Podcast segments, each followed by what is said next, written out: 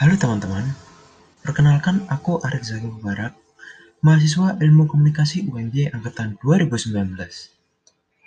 Kita berjumpa kembali di podcast saya, yang akan membahas tentang lembaga penyiaran di Indonesia.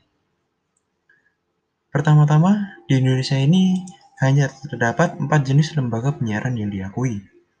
Dimuat dalam Undang-Undang Penyiaran Nomor 32 Tahun 2002, terdapat empat jenis lembaga penyiaran, Lembaga-lembaga itu antara lain Lembaga Penyiaran Publik atau LPP, Lembaga Penyiaran Swasta atau LSP, Lembaga Penyiaran Komunitas atau LPS, dan Lembaga Penyiaran Berlangganan.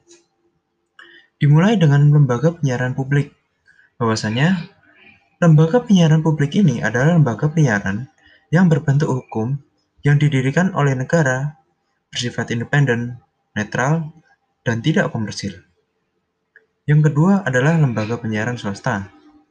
Lembaga ini bersifat komersil, berbentuk badan hukum di Indonesia yang bidang usahanya harus menyelenggarakan penyiaran radio atau televisi. Yang ketiga yaitu lembaga penyiaran komunitas. Lembaga penyiaran komunitas ini berbentuk badan hukum Indonesia, didirikan komunitas, bersifat independen, tidak komersil, dengan daya pancar rendah, luas jangkauan terbatas, dan melayani komunitasnya. Badan ini dilarang mengambil keuntungan atau laba, dan pendapatan berasal dari kontribusi komunitas tersebut. Yang terakhir adalah Badan Penyiaran Berlangganan.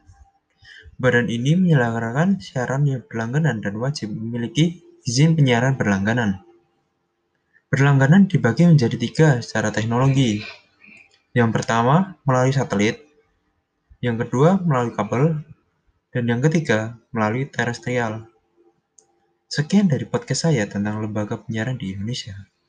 Apabila ada kata yang kurang berkenan, saya minta maaf. Wassalamualaikum warahmatullahi wabarakatuh.